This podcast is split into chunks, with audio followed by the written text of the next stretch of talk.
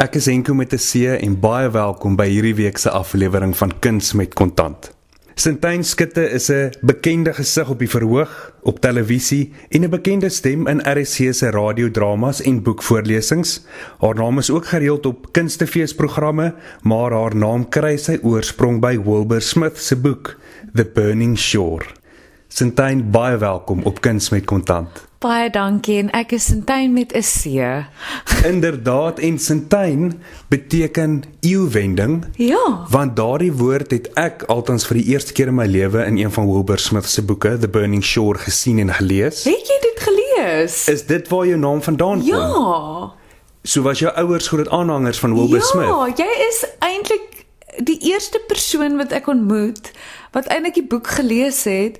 Natuurlik ken ek baie Wilbur Smith aanhangers en dan elke keer en as ek vir hulle sê my naam kom uit een van sy boeke uit en ek sê Burning Shore, dan is mense so mm, miskien het ek dit gelees, ek weet nie, maar jy is die eerste persoon wat ek ken wat sy's heldin in die boek. En hy het dit ook gebruik as 'n term om eeuwending Ja. te beskryf. So toe ek die eerste keer jou naam op televisie gesien het Ja. en kennis van jou geneem het, was in Vul 101. Maar toe het ek geweet hoe jy jou naam uitspreek omdat ek dit in Wilbur Smith se boek gelees het. Ja. Maar ek dink baie mense sukkel dalk as hulle jou naam neergeskryf sien op 'n stuk papier hoe om dit uit te spreek. Ja, want daar's baie mense met my naam nie. Ek weet die karakter in die Wilbur Smith boek word gespel C E N T A I N E, maar ek is C I N T A I N E.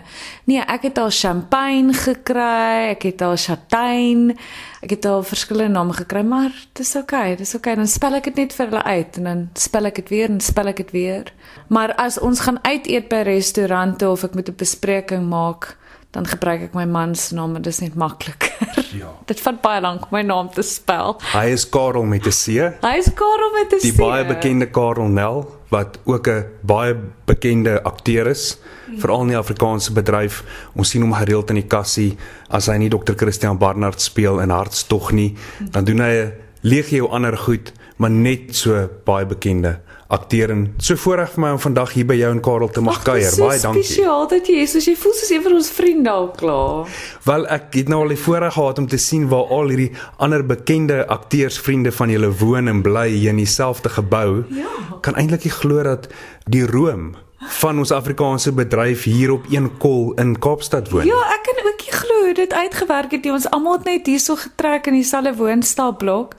Ons is 'n akteurspaar onder ons bly twee ander akteurs bo ons bly 'n akteurspaar en dit is van die lekkerste lekkerste want jy gaan drink koffie saam, jy drink 'n glasie wyn saam, as ons audisies moet doen, dan oefen ons woorde saam.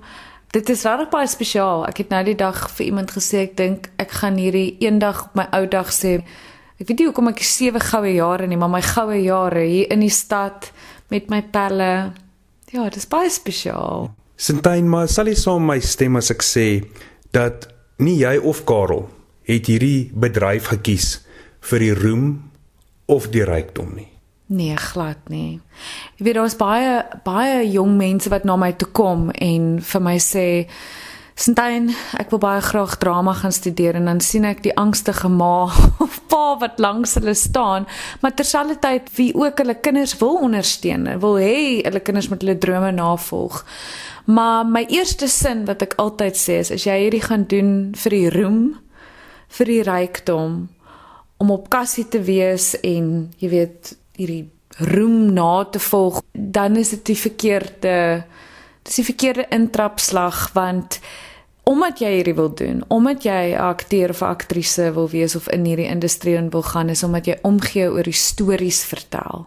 Dis die eerste ding. Jy moet regtig 3000% seker wees jy wil hierdie doen. Dat jy stories wil vertel en dat jy 'n storieverteller is.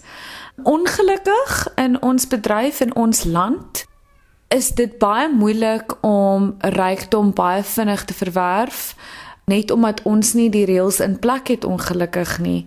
Hulle noem dit in Engels royalties. Ek het nou die dag eintlik getoer met 'n stuk en ek het lekker aan die gang begin kom met gesels met 'n vrou en sy het gedink elke keer as sy my op die TV sien want baie van my reekse speel oor en oor dan kry ek elke keer 'n sent daarvan of geld uit dit. Ja.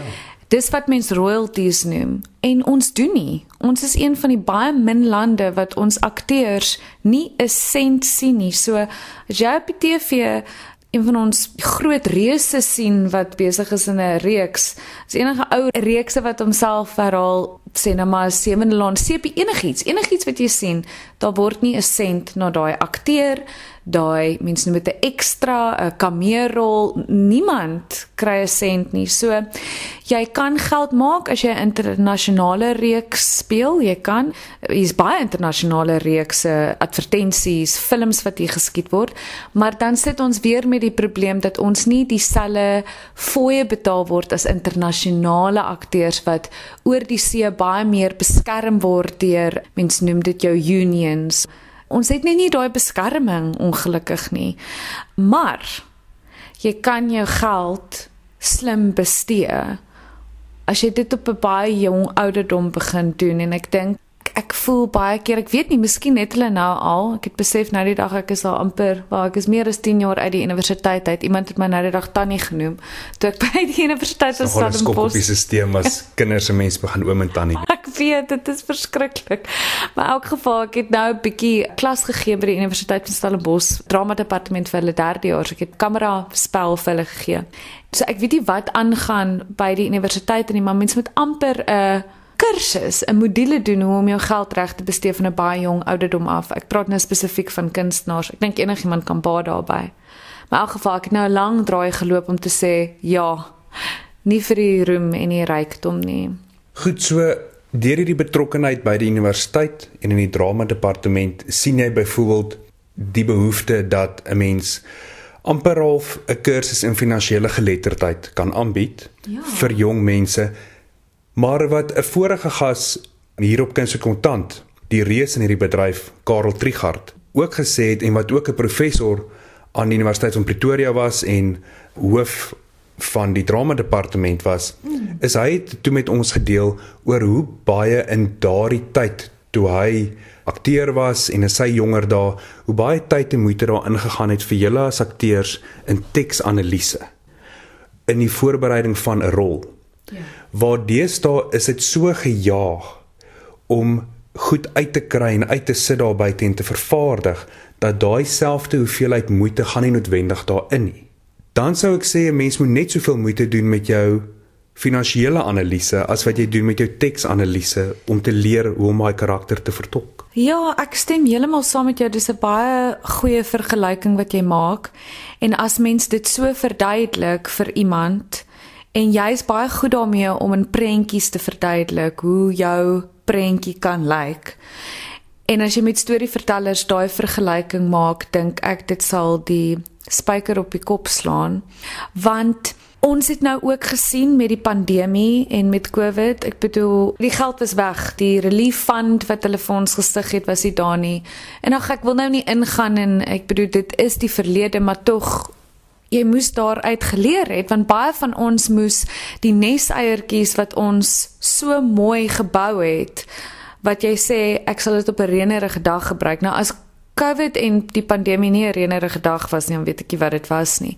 Maar baie van ons kon toe skep in daai fonds en wat ons vir onsself laat gebeur het, maar baie kunstenaars het dit nie gehad nie kyk in dieselfde asem was dit ook wonderlik om te sien hoe ons kunstenaars bymekaar trek en daar vir mekaar is en planne maak. En as jy kyk na die Tribute Fonds 'n klomp institusies wat gekyk het letterlik dat daar borde kos op akteurs en kunstenaars se tafels opeindig. Maar mens wil nie op daai plek kom waar jy van hand tot mond lewe nie. Jy wil vooruit dink ek het nou die dag in my klas gesê Al staan jy in 'n Barney suit in die winkelsentrum besig om iets te doen want jy gaan ek beloof jou ons almal het al dit gedoen ons gaan harde klippe kou. Jy is baie gelukkig as jy uitstap uit universiteit uit uit skool uit en jy kry dadelik 'n hoofrol op 'n televisiereeks of jy weet jy moet maar klippe kou soos wat ons almal doen in die industrie in ons wat ook al industrie in is. En geen nie om wat nie al staan jy in 'n Barney suit of jy het 'n klein kameerrol gespeel of jy het 'n radiodrama gedoen, al spaar jy net 10% van daai salaris indruk dit in 'n fonds in. Maar dit gaan optel en dit gaan optel.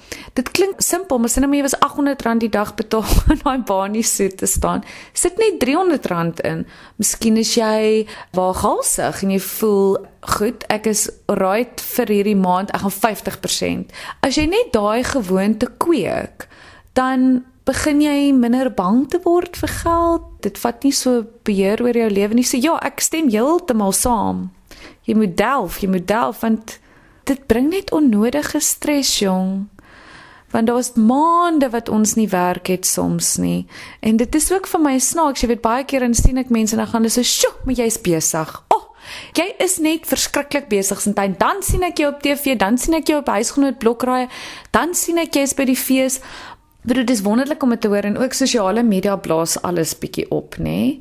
Maar ek moet 'n advokaat wees vir my eie lewe. Ek moet my teaterstukke bemark. Ek moet natuurlik sodat daar kaartjies verkoop word en ook, jy weet, ek is trots op die projek, maar baie keer wat mense nie verstaan nie is ek het daai wat nou op TV speel, ek 8 maande terug geskiet. En dit was nie eers 3 weke van my lewe nie. Daai geld is al lank op.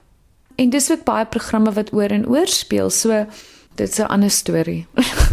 Akteur het nou dag vir ons hier op die program vertel dat dit sou net vir hom lekker gewees het as die televisiekanale, radiostasies en so meer om net vooraf 'n likeie wou gee en sê O, ons wil maar net aan jou noem dat daardie reeks wat jy 5 jaar gelede opgeneem het, gaan ons nou weer uitsaai. Want dit is vir hom elke keer 'n verrassing as hy homself sien op televisie of weer sy stem hoor met die wete dat hy nie weer daarvoor betaal word nie.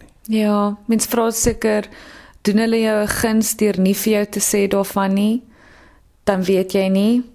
Ja, ek het nou die dag gehoor, ek sien jy's op TV, ek sien jy's nou besig met hierdie reeks en ek sê nee, ek het so lank lank 'n reeks geskiet, ek weet nie waarvan jy praat nie.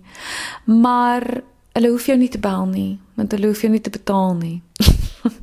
hulle het jou klaar betaal, jy het klaar jou kontrak geteken, jy het klaar gedoen, hulle het die regte ding gedoen soos wat hulle kontrak gestipuleer het en jy het ingestem en dit werk anderste met advertensies. As jy advertensies skiet of dit nou vir 'n produk is of 'n klerelyn of wat ook al dan stipuleer hulle dit verskillend in verskillende kontrakte. Hulle noem dit verskoon my Engels, maar dis net hoe ek dit ken, 'n usage fee. So baie keer as jou advertensie gewys word, sien nou maar ek eh, is 'n ma en dit gaan oor klomp kinderprodukte en 3 jaar daarna begin die advertensie weer op YouTube op TV of oor see te wys, dan kry jy weer daai geld want dis in jou kontrak gestipuleer 'n persentasie van daai geld. So baie akteurs wat ek ken, kan nie wag vir advertensieseisoen nie. Hulle noem dit seisoen. So jou seisoen is gewoonlik, hulle sê altyd seasons coming. So wat dit beteken is somermaande, jou somermaande, soos ons gaan nou amper weer in dit ingaan, dan begin seisoen weer. Want dan begin hulle advertensies te skiet, die internasionale kliënte kom oor en dan is dit advertensieseisoen. En daar's baie akteurs wat hulle lewe maak op advertensies. Want dit is groot bedrag geld. Natuurlik vat jou agent 'n kommissie en dan natuurlik tax.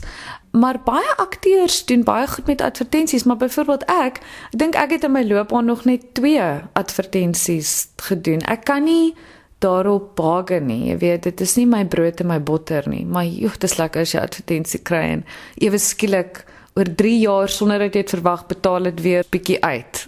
Dit's lekker vir jou en die agent. Kan jy onthou watter twee advertensies vir jou uitstaan waarin jy gespeel het? Ja, my eerste een was 23 jaar oud, my eerste advertensie. Toe was dit weer toe ek so 28 was en albei van hulle was ek maas. Regtig? die een was vir 'n klerelyn, jy weet baba klere en die ander een was vir doeke. Ek was 23 en 28 en ek het al klaar ma gespeel. So weet nie wat dit vir jou sê nie, maar in elk geval ek het daai doeke vir jou verkoop en ek het daai klere vir jou verkoop en ek het geld gemaak. So goed soos jy kon. Ja. ja. Jy het vroeër gepraat oor kontrakte. En jy en jou man Karel Nel was betrokke by die 3 seisoene van fynskrif. So kom ons gesels oor die fynskrif in kontrakte. Het jy of Karel as 'n akteurspaar in die bedryf dalk al ooit in enige slaggate getrap waar jy nie die fynskrif gelees het nie? Dit het al een keer met my gebeur waar kyk net sodat jy weet, ek en Karel het albei 'n agent. Ons is toevallig by dieselfde agentskap. So enige werk wat hulle vir ons uitsit, so gewoonlik kry jy 'n brief of dit nou 'n CP is, 'n nuwe reeks, 'n film, selle met jou stemagentskappe. So ek het 'n agentskap waar ek net stemwerk doen vir advertensies, glad nie RSG nie. RSG doen ek op my eie. Maar in elk geval, jy het jou agent wat dan vir jou hierdie alles stuur want hulle kry vir jou die werk. Dan is dit hulle werk om jou te beskerm, die fynskrif van die kontrak dubbel dubbel te lees vir jou te veg vir jou mens noem dit jou rates soveel jy betaal word op die projek. En hulle doen al die negotiations vir jou. Dis hoekom jy hulle betaal. Dis hoekom hulle hulle persentasie kry. Baie van die kere byvoorbeeld teaterwerk of ander werk as ek nie deur hulle die werk kry nie dan hoef ek mos nou nie vir hulle persentasie te gee nie. So dit het al een keer met my gebeur wat ek die fynskrif misgelees het en dit was 'n slaggat wat ek getref het, maar hoe so leer mens en toe het ek met my agente ooreenkoms gemaak dat kan julle in die toekoms al kom die werk nie deur julle nie, kan ek die kontrak vir julle stuur en ek betaal vir julle 'n fooi. 'n flat fee van soveel of hoeveel ook al jy wil hê en dis nie buitensporig nie. Sy wil ons beskerm en sy kyk na die groter prentjie, sy wil kunstenaars beskerm. En dan natuurlik lees ek die kontrak op my eie, maar sy dubbel fyn lees dit, jy weet. En dan betaal ek haar 'n klein fooi en sy veg ook vir my geld. Jy weet nie dat ek nie in die middel hoef te staan daarvan nie. Ek is nie bang om in die middel daarvan te staan nie, maar dit word net baie professioneel, baie vinniger en baie mooier hanteer want ek het 'n ruthless agent en ek is baie lief vir haar en sy besigheid is besigheid. Ek is 'n produk as jy my wil hê. En soms wen sy nie al die fights nie wat ook gebeur. Daar's baie akteurs wat hulle kontrakte net self doen en hulle is goed daarmee want hulle bestuur hulle self as 'n besigheid. So ek weet nie wat sê dit vir my as ek bang om eintlik dit alleen te doen. Want ek dink ek kan dit nie doen nie of weet ek dit werk vir my. As dit by teater kom, dan doen ek self my kontrakte, maar ek is self 'n vervaardiger, so ek stel kontrakte op. Ek weet waarna om te kyk as dit kom by teater en so en ek was al produksiebestuurder. So Ja, dan maar af. Wie wil jy wil jy moet uitkyk vir jou iemand anders of jy jouself of jy saam met iemand anders. Ja. Dit is baie keer ideaal om net daai klankbord te hê in iemand wat jou hand kan vashou mm. en saam met jou na goed kyk. Ja. Net 'n objektiewe uitkyk ja. vir jou lewer oor alles. Indien jy sopas by ons ingeskakel het, ek het die voorreg om vandag heerlik by Sintyn Skutte te kuier aan huis saam met haar en ook haar man Karel Nel. Hulle is akteurspaartjie en Julle ken vir Sintyn se stem baie goed. Sy het verlang op RSG 'n jaar of wat gelede die mooiste stories van Grimm vir ons voorgeles. Daar was telke ander kortverhale daarna wat Sintyn ook gelees het en om nie eers te praat van al die radiodramas op RSG nie. En jy was ook nadat jy vir ons bekend geraak het as die Blokkiesraai meisie ook op die voorblad van Huisgenoot gewees. En dit moes iets gewees het. Dit is tog iets spesonders om jou gesig op Huisgenoot se voorblad te sien. Ja, ag, weet jy my eerste voorblad was Sari en toe is dit Huisgenoot en elke liewe keer het ek myself geknyp. Ek ek kan dit ek dink nou. So ek was op die voorblad van Sari en dit was baie baie naby aan ons troudatum ek en Karel. So ons het teruggery van 'n Protea plaas af want ek wou Proteas van my troue gehad het. So ons het van hierdie mooi Protea plaas Eureka as enigiemand van die luisteraars wil kyk na daai plaas dit is ongelooflik dit is net Proteas oral. Maar in elk geval ons ry toe terug my ma bel my en sy sê sussie die tydskrif is uit die tydskrif is uit en, en ek kry toe die tydskrif Heilig. Al die pad van die Protea plaas af Kaapstad toe en Karel sê, "Hoekom huil jy? Jy moet gelukkig wees." Sê ek, "Ek is. Ek kan nie glo ek is op die voorblad van Sari nie. Ek het 'n jong dogtertjie, huisgenoot ook. My ma, Sari en huisgenoot was altyd in ons huis en altyd op tyd daar. En ek het as klein dogtertjie, jy weet daai tydskrif deurgeblaai en ek het artikels oor weet aktrises en mense na wie ek opkyk en ja, dit was wonderlik. Maar weer eens nie ryk en roem nie, nê, net van dit is maar net die die universe wat vir jou net 'n kopknik gee en gaan, okay. Hou aan doen wat jy moet doen. Maar wat ek wil sê van RSG is RSG het vir my as jong kunstenaar 'n huis geword. Sy het letterlik haar sitkamer deur vir my oopgegooi en gesê kom in. Ek gaan jou leer van stemwerk. Ek gaan jou leer van stories vertel. Ons sê altyd radio dramas is teater vir die blind, nê? Nee? Margo het nog so groot invloed op my gehad. Frida van der Heever, Johnny Combrink. Ag, jy weet ek kan aangaan en aangaan en aangaan die mentorskap wat daar deur gegaan het. My gunsteling tyd en nog steeds. As iemand my 'n oproep gee en sê kom in vir RSG gaan stories vertel, ek sê ek gee nie om wie nie. Ek sal 'n poppie speel, ek sal 'n boef speel, ek sal 'n boom wees ek sou ewen net die die geleide maak. Dit is so wonderlike Ja, RC is net 'n baie spesiale huis vir my. Dit het my baie van myself geleer. Dit leer jou ongelooflike tegniek as stemkunstenaar en om jou verbeelding te gebruik en dis 'n groot dissipline. So ek's baie baie lief vir RC. Ek dink die luisteraars, jy weet, is so getrou en as hulle van iets hou, dan maak hulle seker, hulle stuur 'n e-pos Ek love it, old style vir die stuur 'n comment. Dit is net, jy weet, ek weet nie, dit is net vir my wonderlik. So iets anders waarvoor ek altyd my hoed lig as dit kom by akteurs is die feit dat hulle regtig vir hulle self kan werk skep want hulle besef niemand anders gaan dit vir hulle doen nie. En jy is baie goed daarmee met 'n ding wat jy nou gedoen het waar jy na mense se huise toe gaan en by die huis 'n teaterstuk opvoer. Dis 'n ongelooflike konsep en 'n baie oulike idee en ek sien jy bereik groot sukses daarmee. Maar is dit dalk iets wat gebore is of sy oorsprong kry nadat jy uit Grendeltyd uitgekom het? Ja. Ons was 'n klomp pelle wat bymekaar gesit het en gesê die teater is toe, die feeste gaan nie binnekort gebeur nie. Hoe kan ons teater na mense toe bring? En met die streekse rade daai tyd, ek bedoel dit letterlik die dorp geïnfiltreer en in die skoolsale gespeel en die kunstenaars het eintlik in die mense se huise gebly. So ek sou aan jou deur kom klop en dan bly ek in jou huis. En ons het daar gepraat en ehm um, toe begin ons net hierdie stuk bymekaar te sit. Letterlik, ons het R2.50 in 'n hotdog gekry om die stuk te kan maak. Nee, ek grap. Laterand het ek vir Natie wat 'n wonderlike instituut is gevra asseblief help ons met bietjie geld ja, in die tyd het ons net gesê kom ons maak werk vir onsself en Natie het vir ons geld gegee en toe ek weer sien toe sit 'n klomp illustreerders, toe party akteurs ingekom, toe waai hulle weer dan te regisseur ingekom en waai my almal het 'n klein geldjie gekry en toe maak ons hierdie produk en nou gaan ons na mense se huise toe. Die stuk se naam is Matten Hour.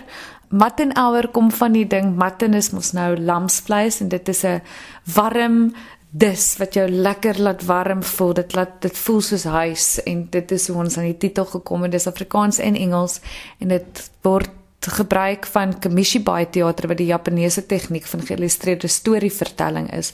So dis 'n klein boks met prentjies en ons staan in jou sitkamer. Ons kom by jou huis aan.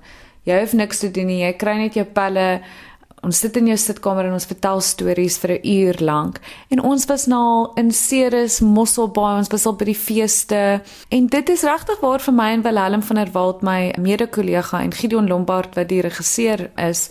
As ons nie werk het nie, dan gaan ons na huise toe en dit is hoe ons ons geld maak, jy weet, in die tye wat wat ons stil stil is. So, luisteraars, as julle ons in jou huis wil hê om jou swembad, om jou braaivleisvuur in jou kamer op jou stoep.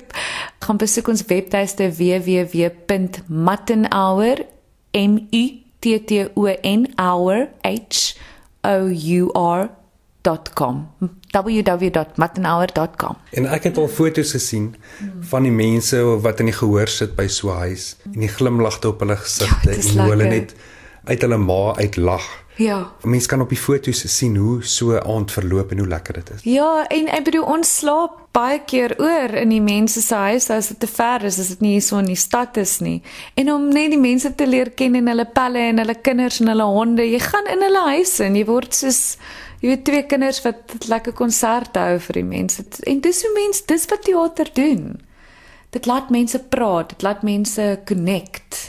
En teater forceer almal wat op daai gegeewe oomblik bymekaar is in die oomblik deel Ja. en elke oomblik deel. Ja. En dis kom ek so mal is oor teater. Dis nie iets wat jy kan teruggaan en hom weer kyk nie. Ja, Dis dis ons is almal saam daar. in daai oomblik en ons almal ervaar daai oomblik saam. Weet jy wat soms vir my die lekkerste ding is? Natuurlik kyk ek na die teaterstuk, maar as ek 'n teaterstuk gaan kyk, natuurlik kyk ek na die storie, maar een van my gunsteling tye is as ek net agteroor sit en ek begin net te kyk na almal in daai donker auditorium. Want dis letterlik 'n uur of 'n uur en 'n half wat jy sit en tyd spandeer met jouself en jou eie gedagtes. En die stuk hou 'n speel vir jou op as mens, maar die gehoor hou ook vir ons akteurs se speel op. Dis dit is net 'n wonderlike gevoel. Maar ek het nou die dag veral met die huiskonserte toe is daar kinders wat daar sit en kyk. Toe vra ek vir hulle, "Was julle al ooit in 'n teater?" Toe sê hulle, "Nee, hierdie is hulle eerste teaterstuk." En dit gebeur. Party mense ken nie teater nie, maar as jy net vir jouself 'n geskenk kan gee een keer in hierdie lewe om net een teaterstuk te gaan kyk, al tik jy dit net van jou lys af. Dis interessant. Jy leer jouself ken op 'n ander manier as jy sit in teater kyk vir 'n uur. Dis anders as wat jy sit in TV kyk. Want wat ook deesdae gebeur wat vir my baie snaaks is by feeste veral na die pandemie. Mense praat sommer terug terwyl jy die teaterstuk doen. Ja, ek weet jy skud nou jou kop en jy dink is verregaande. Maar ek dink mense is so gekondisioneerd om in hulle sitkamers te sit en terug te praat met die TV, jy weet, of ja. met jou sussie of boetie te praat. Ja, ek het volg, ek het gesê sy gaan gevang word of uitgevang word, jy weet. Hulle praat hardop en dan kan ek hoor hulle vang hulle sal hulle gaan o nee, dit's teater, jy moet stil bly, maar jy weet dis ook lekker dat hulle ja. terugpraat, maar dit wys ek hulle is in die oomblik. Hulle is daar met jou. Maar dis nogal snaaks wat ek opgevang het na die pandemie. Ek sal nou volgende keer 'n bietjie oplet daarna want Sintyn jy het op 'n stadium ook in 'n pragtige toneelstuk gespeel wat ek twee keer gaan kyk het amper Vrystaat. Oor die drie sissies wat hulle ma se begrafnis moet gaan beplan en bywoon. En dit was 'n baie diep storie. Ek kan nie onthou dit het nie 'n rolprent geword nie. Nee nee nee, dit het nie so ons wou dit Maar baie dit wou. graag Ja, ja, ons wou dit baie graag 'n reeks en 'n film gemaak het. En toe kom die boeties, die Ja. Nerdens Noordkaap boeties, toe doen hulle die teaterstuk en toe was hulle timing net so reg dat dit toe 'n reeks geword het. So kyk, as ek nou Annetjie moet speel wat my karakter se naam was in amper vrous, ek is te oud vir. ek is 'n bietjie te oud. Sy sê soveel tyd het al verloop Ja. sedert jy en Milan Marie en Antoinette Ja. Lou Ja. die drie sissies vertolk het. Weet jy, amper Vrystaat is toe opgeneem, maar dit is opgeneem as 'n toneelstuk en dit het iewers op kyk net gewys. En toe ons dit opgeneem het en ons het dit laas jaar opgeneem. Toe gaan ons 'n meisies, hier is ons nou, ons het dit nou opgetel. Ons ken al weer al die woorde. Kom ons doen weer die teaterstuk en ons toer saam met die boeties. En toe het ons by die Baxter gespeel oor so 2 weke en ons het alweer by die Boer teater gaan speel in Durbanville. So ons kan dit weer doen, maar ek weet nie van 'n reeks nie. Ek dink ek is nou bietjie te oud. Annetjie is nou 20, so ek is nou al 36. Ek weet nie, wie weet. Imagine. Ons het ook onlangs gesien as Gertrude, die dogter van Magda Lou in die reeks met dieselfde naam. Ja. Magda Lou wat kykers net so amusant en so lekker vind oor al die stories wat Magda en haar man vertel. So is daar nog iets wat nou in die pipeline is. Vir my, vir, Vir jou nadat Gertrude nou op die TV was as die dogter van Magda. Ja, dit begin die 17de Oktober 'n reeks op kyknet met die naam Straat waar ek Rita speel die karakter wat heeltemal anderste is as Gertrude. Ek speel bietjie daar my Pretoria Poppy. Regtig? ja, dit is 'n um, Paul C Venter het dit geskryf is 'n klomp karakters, 'n klomp bekende name speel daarin. Onder andere Nicole Hallam en Leon die Tirant en Hannes Brimmer speel my man. Ons het baie pret gehad. So dit is op pad, 'n TV-reeks. vir kyk net. En dan sien ek baie uit ons doen woordfees binnekort by Stellenbosch gehou die Toyota US woordfees en ek doen 'n stuk met die naam Tuis ek's liefie en ek speel Judy. En dit is baie interessant want jy kyk na 'n egpaar wat in die 50's lewe, maar die lewe lyk nie so rooskleurig soos wat dit lyk. Dit is bietjie van 'n donker komedie. Dis 'n groot rolverdeling, so dit is baie lekker as mense daar 'n draai wil maak by die woordfees en kom kyk en dan wat ek myself nog knyp, dis soos 'n emmerskoplys wat hier gebeur is. The Promise is 'n boek van Damon Galgo wat nou verwerk word na 'n teaterstuk. En Sylvain Strike is die regisseur en ons is 'n rolverdeling van 9 mense, 'n groot produksiespan en ons gaan nou in September speel ons by die Homecoming Center hierso in Kaapstad en dan gaan ons Markteater toe in Oktober en hopelik kan ons oor see gaan met die stuk ook. Ek begin nou met repetisies en ja, so die res van my jaar is teater wat een van my eerste liefdes is en dan kom straat ook. Toe jy as 'n jong opkomende aktrise 'n paar jaar gelede die Vleurde Kap gewen het in 2016 kry 'n mens en ek sit nou hier by jou en daar's 'n Fiesta toekenning en so meer, kry mens enige prysgeld saam met iets soos 'n vleerde kap? Ja, jy doen, jy kry prysgeld by sommige van hierdie funksies of geleenthede en partykeer doen jy nie.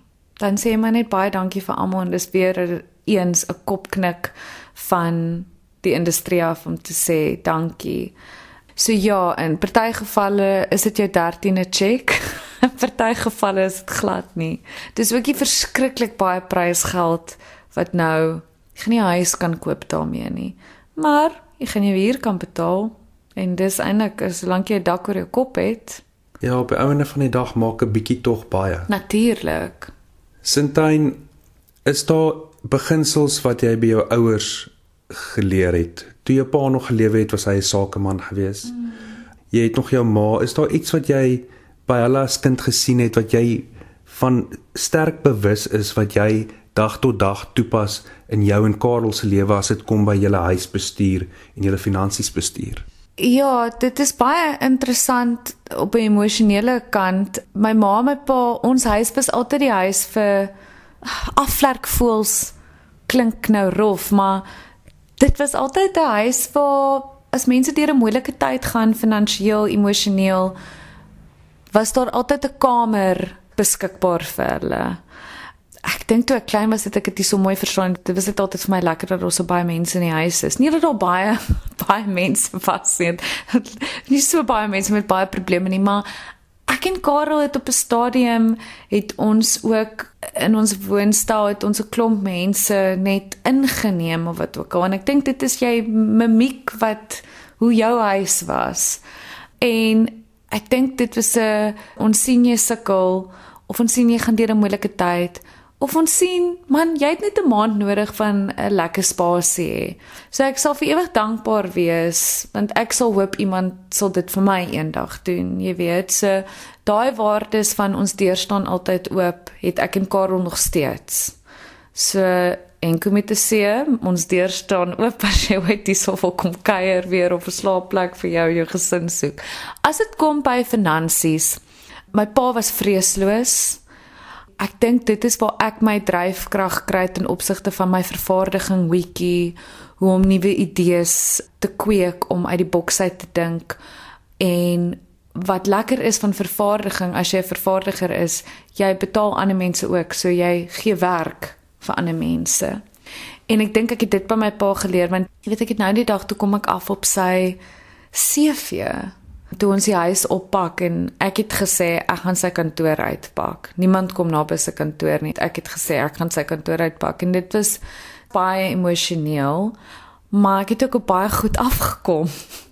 Wat ek gaan, wow. Dis baie begin het en dis waar hy geëindig het en hy hy het baie groot foute gemaak in sy lewe finansiëel ook maar hy het letterlik en figuurlik van die been af opgestaan het ook toe sy been verloor wel dit is geamputeer 'n paar jaar in 1997 so hy het letterlik van die been af opgestaan en net begin werk werk sy harde werk het ek ook geërf soos bietjie miskien van 'n workaholic wat ek ook baie keer myself moet incheck. Ek moet want ek is so lief vir my werk. Ek sal tot 2 uur toe sit en woorde leer en teksanalise en delf en navorsing doen, maar ek moet ook spasie maak vir my persoonlike lewe. Maar ek dink ek het dit by hom gekry. My ma was altyd die rustige een met my pa en altyd sy idees uitgeluister en gesê kom, ons kan dit doen, maar sy het ook baie keer vir hom gesê hier is 'n slegte idee. So ek dink ek en Karel vul mekaar baie aan met dit. Hy het vir my nogals bietjie die sterker brein as dit kom by die finansies. Hy sê baie keer vir my, geld gaan jy nie, dit gaan jy nie hap nie, dit gaan jy nie opeet nie. Want ek dink baie keer is geïntimideer daarmee. Ek het altyd vir myself gesê ek het 'n vreemde verhouding met geld. En hoe meer jy dit vir jouself sê, dan begin dit so te raak. So ek het nou dit gestop maar hy was nog nooit bang daarvoor nie. As hy met geld, jy weet, hy weet nie altyd noodwendig hoe om daarmee te werk. Jy weet ons ons mens weet nie, so leer mens. En ek dink dis wat jou besigheid so wonderlik maak, is om perspektief vir iemand te gee. Maar ek is die een wat ek wil hê ding moet gebeur. Ek dink aan planne. Ek is bietjie die argitek van die go-getter as dit kom daarby. So voordat ons hierdie onderhoud begin het, het ons albei vir jou gesê ons wens daar kan iemand wees wat net gaan dis wat julle het julle albei is die argitekte van julle lewens of dit nou gaan emosioneel en ek werk uit 'n plek uit van emosie ek is in tuin nog altyd Karel werk uit 'n plek uit van feite logika Jy weet, ek sê altyd vir my gaan dit 'n proses in enigiets. Ek sal vir jou vertel my oggend was van die begin ek het 'n hond gesien en wat se klere was met sy kleer oë hy gehad het. Karel sal net vertel dit was sy oggend. Hy kom tot op die punt. So ek dink ons kan by mekaar baie leer met dit. Maar tog so prakties soos wat jy Karel nou vir ons beskryf het en jy wat uit 'n emosionele plek jou rolle vertolk, was jy albei betrokke by 'n twee persoon stuk 'n paar jaar gelede getiteld 10000 ton Karel was die vervaardiger, maar Nico Skeepers het dit verwerk en vertaal. Ja. En daar het jy teenoor Albert Pretorius gespeel en julle twee het as 'n getroude paartjie vir mekaar die vraag gevra oor wat is die doel van die lewe mm. en is daar iets om voor te lewe? Mm. Basiese vrae soos wil ons kinders hê ja of nee? Wil ons kinders blootstel aan hierdie wêreld? Ja of nee? En daar is gewigtige vrae daarin gevra 'n mens kan dalk dieselfde vir mekaar afvra oor finansies. Mm. Jy en Albert kon mekaar ook ook so gesprek gehad het in die middel van daai hele gehoor wat reg rondom julle sit. As jy daaraan dink, ek dink daar's baie mense wat ek sien my ouderdom wat ongelukkig die biologiese klok is besig om te tik-tak, tik-tak, natuurlik die feite, maar ek dink baie daarvan 'n groot invloed is geld om nie 'n gesin uit te brei nie, om nie 'n gesin te begin nie, om dit veilig te speel. Jy het net mekaar, so jy split julle finansies alles deur twee. Dis nie nog 'n derde persoon nie. Alles word duurder. Ek en Karel lag baie keer so as ons van 'n braai afkom en ons is nou op die stadium een van die koppels wat nog nie 'n kind het nie. So baie van die mense kom praat met ons oor die realiteit van nie net ouerskap nie, maar hoe baie alles kos, die skoolboeke en die penne en die mediese fondse, die skoolfondse en dan ry ek en Karel terug en so imagine ons moet nog dit ook betaal het. Dit is 'n realiteit. Ja. En dan ongelukkig dan dit kan mens af skrik, maar dit is ook nie 'n verskoning nie. Daar's mense wat nie 'n sent het nie, maar nog steeds 'n baie gesonde, amazing kind in die wêreld inbring. Dit hang seker net af hoe hulle hulle geld bestee. Wat kom eers? Wat's eerste prioriteit? Ek onthou net die stuk baie goed en ek weet baie luisteraars sal ook dadelik die hele opset onthou van hoe dit gelyk het waar jy hierdie plastiek grasperk in die middel gehad het. Mm. Die gehoor reg rondom julle gepak was en julle twee in die middel die hele tyd speel. Ja, daar's geen rekwisiete, daar's geen kostuumverandering, geen ligte wat verander nie. Dis net ons twee op daai klein stukkie grasperk besig om ons wêreld se probleme uit te sorteer en almal sit net in en kyk. Dit was so intiem vir party teatergangers want die ligte skyn ook op hulle en omdat almal in die rondte sit, kyk jy nie net na die teaterstuk nie, jy sien die mense wat reg oorkant jou sit. So niemand kan wegkruip nie, nie die akteurs nie, ook nie die gehoor nie. Dit is 'n ongelooflike spesiale stuk. Dis een van my gunsteling stukke wat ek tot dusver in my loopbaan gedoen het. Dis belangrike vrae wat afgevra word en maak nie saak of jy 'n uh, koppel is wat in hulle 30's is of 20's is nie. Daar is mans en vrouens wat kom kyk het wat in hulle 70's, 80's is. Daar's tieners wat kom kyk het. Baie universele vrae wat gevra word. Ons vier vandag nasionale vrouedag en jy het al baie sterk dinamiese vroue rolle vertolk. Ek dink maar aan iemand soos Masha in die Seemeeu en Mart in die dinge van 'n kind. Wat het jy by elkeen van hierdie vroue karakters geleer? Ja, so ek het al die voorreg gehad in my lewe om al van jongs af karakters te speel wat nie net natuurlik driedimensioneel is nie, maar daar is so baie vlakke van haar as ek praat van elke karakter wat ek moes ontdek. Uh jy het gekyk na Masha in die Seemee wat 'n Anton Chekhov stuk is. Uh, Anton Chekhov het hierdie ongelooflike manier om 'n klomp karakters in een vertrek te gooi en dan praat hulle oor die feite van die lewe, die harde feite van die lewe. Jy kyk na elke karakter wat so fully fleshed is wat heeltemal haar eie journey het. Nou Masha is haar opening lyn is die karakter vra vir hoekom draai jy altyd swart en dan sê sy want ek rou oor my lewe. So ek moes baie diep gaan krap het vir Masha, maar ek het so lief vir haar geword. Sy is een van my gunsteling karakters wat ek sê is eintlik baie snaaks. Sy vat haarself heeltemal te ernstig op. Maar was ons almal nie al daar nie waar ons vergulsig onsself so in ons donker kant. Wat Masha doen en ons hou daarvan om baie keer daar te sit. En dis oukei okay om baie keer daar te sit, maar daar is 'n deurpad. Jy sien ongelukkig nie dit met Masha in die seemie nie. Jy sien nie haar deurpad hoe sy uit dit uitkom nie, maar jy wonder oor haar en jy wonder of sy oukei okay gaan wees. En dat sy so gemaklik in daai donker kant van haar geraak het, dit sy besluit het dis wil sy wil sit vir ewig. En dan die les wat sy eintlik vir jou leer is dat jy hoef nie daar te sit nie. Daar is 'n uitpad, daar's 'n deurpad want al die ander karakters sê dit deeltyd vir sy luister net nie. En Christian Olwagen wat die regisseur was, het gesê moet nooit haar veroordeel nie, want dan gaan jy haar ligte kante raak sien. En dit was so mooi vir my vir Masha met Katrin en moeder moet en haar kinders vir sy stom. Sy's 'n stom karakter, so sy kan nie praat nie. So Jerry Mofokeng wat die regisseur was, het vir my gesê wanneer ook al die gehoor nie weet wat aangaan nie, dan moet hulle na Katrin kyk en presies weet wat aangaan. So ek het al hele wêreld die hele tyd in myself gedra en dit was vir my so moeilik om nie dialoog te hê om te kan uitdruk hoe ek voel nie. So alles moes net die hele tyd soos 'n tol binne my spin en spin en spin en ek moet dit daar hou en ek en ek moet dit oombliklik hou. Jy jy vang haar ook in die middel van 'n oorlog. Jy weet verskriklike dinge gebeur met haar juis omdat sy stom is en nie kan praat nie. Maar sy het vir my geleer dat jy jou hele liggaam het om mee te praat, dat jy oë het om mee te praat, dat jy aan iemand net kan vat of net na iemand kan kyk en hulle weet presies wat jy sê.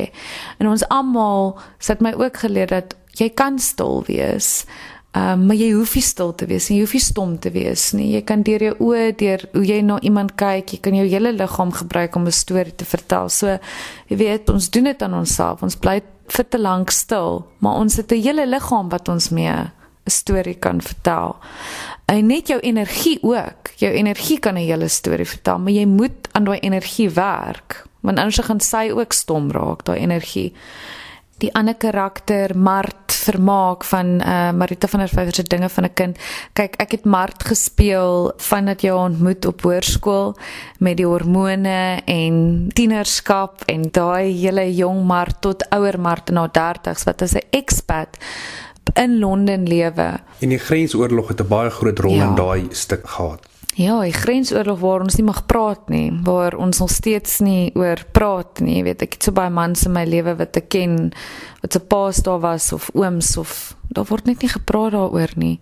Maar dit is 'n storie op sy eie, jy weet, en dis hoekom mense vir Marita gevra het, "Maar hoekom skryf jy die hele tyd oor die grensoorlog en oor rasisme en apartheid en al die goeie?" Toe sê sy, want ons moet want ons moet daar praat en ek gaan nie ophou skryf daaroor totdat ons daar begin praat nie en ek dink dit is wat Mart ook vasgevang het ons moet daar praat ons moet iets aan doen maar ongelukkig sien jy haar as gevangenes in haar eie gedagtes en hierdie keuse wat sy moet maak van moet ek teruggaan na my land toe na my wortels toe Moet ek teruggaan terwyl die land nie so goed lyk nie, maar wat ek van haar agtergekom het is sy was besig om so met haarself te beklei dat sy met almal anders om haar beklei het. Land, wie ook al haar familie, haar ouers, haar verlede, haar broer en dit het my geleer van myself. Jy weet, as jy met jouself beklei, dan begin jy met almal om jou te beklei. Jy moet eers daai woede en daai risie binne in jou moet jy stil maak en jy moet heeltyd vir jouself vra wat gaan nie aan? Wat gaan nie aan? Jy moet want anders gaan jy aanhou beklei met almal om jou en voor jy sien staan van jou belangrikste mense in die spervuur en hulle moenie eintlik daar wees en jy het hulle daar gesit. So al hierdie karakters, dis die lekkerste deel van my werk is ek gaan delf diep en hulle elkeen leer my iets van myself en baie keer hou hulle speel op en ek hou nie daarvan wat ek sien nie, nê? Want jy wil dit ek wil dit nie sien nie, maar hulle forceer my om daarna te kyk want jy mag nie jou karakter veroordeel nie. Jy mag nie. En so bring dit ook bietjie healing vir my ook. So ja, ek weet nie enko moet dit vir die ryk roem en rykdom doen nie.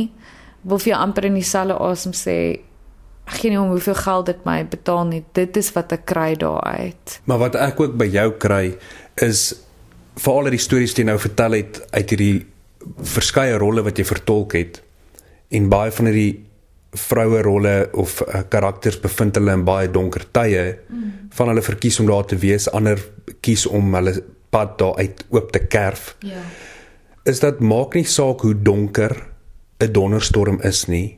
Die reën sal op 'n stadium opdroog. Natuurlik en partykeer moet jy na jou donker kant toe gaan om jou ligter kant te ken en by jou ligter kant uit te kom want ons almal het 'n donker kant in ons. Ons almal het. Ons is nie slegte mense gebore nie. Daar gebeur baie goeters met ons deur die lewe wat ons 'n paar stampe en stote gee en verwyte. So daai donker kant gaan altyd daar wees, maar jou ligter kant gaan altyd seëvier. Jy moet net aanhou bly soek vir hom en sy is daar. En aanhou loop, want as jy aanhou loop, dan loop jy op 'n stadium onder deur daai daai donker donderstorm uit waar die reën tog ophou. Ja, hulle noem dit in ons karakteranalise as ons karakteranalise doen soos wat jy is 'n 'n teks vat en jy analiseer hom tot die diepte. Ek sê altyd dis lekker want ons speel altyd speerder speerder. Almal ook wat sit in 'n TV-reeks kyk of jy weet die luisteraars wat radiodramas, ons hou daarvan om speerder te speel om om agter te kom wie se karakter wie gaan uitgevang word. O, oh, hy is die boef. O nee, daai een is So met teksanalise maar met karakteranalise, hulle noem dit the hero's journey. So jy moet gaan soek vir daai hero's journey van jou karakter want ons almal het dit in ons lewens ook. Dit gaan baie baie goed en dan kom die golf weer en hy slat jou voete onder jou uit en dan gaan dit weer bietjie moeilik en dan voor jy weer sien, het jy opgeklim by die uh, berg en jy gaan ek kan nie glo dit het so moeilik gegaan nie maar hier's ek nou weer. Dit gebeur met ons almal. En mens moenie dit op sy skuif daai harde werk wat mens jy weet gedoen het nie. Of geringskat nie. Ja of geringskat nie. En ek dink dis dieselfde met jou finansies ook. Mens moet so verhouding met jou finansies ook hê. Dit gaan nie altyd goed gaan nie maar jy jy het beheer daaroor. Sintyn skitte ek sê vir jou baie dankie dat ek so lekker vandag by jou kon kuier. Ja, en baie, baie dankie dat jy en jou man Karel Nel julle huis vir my oopgestel het en dat RSG by julle kon kom aanklop en net by julle hoor hoe julle dink oor geld in die lewe. Dankie. Dit was wonderlik en dankie vir al die luisteraars en ja, soos Enko met die see gesê het, hou aan soek vir daai lig.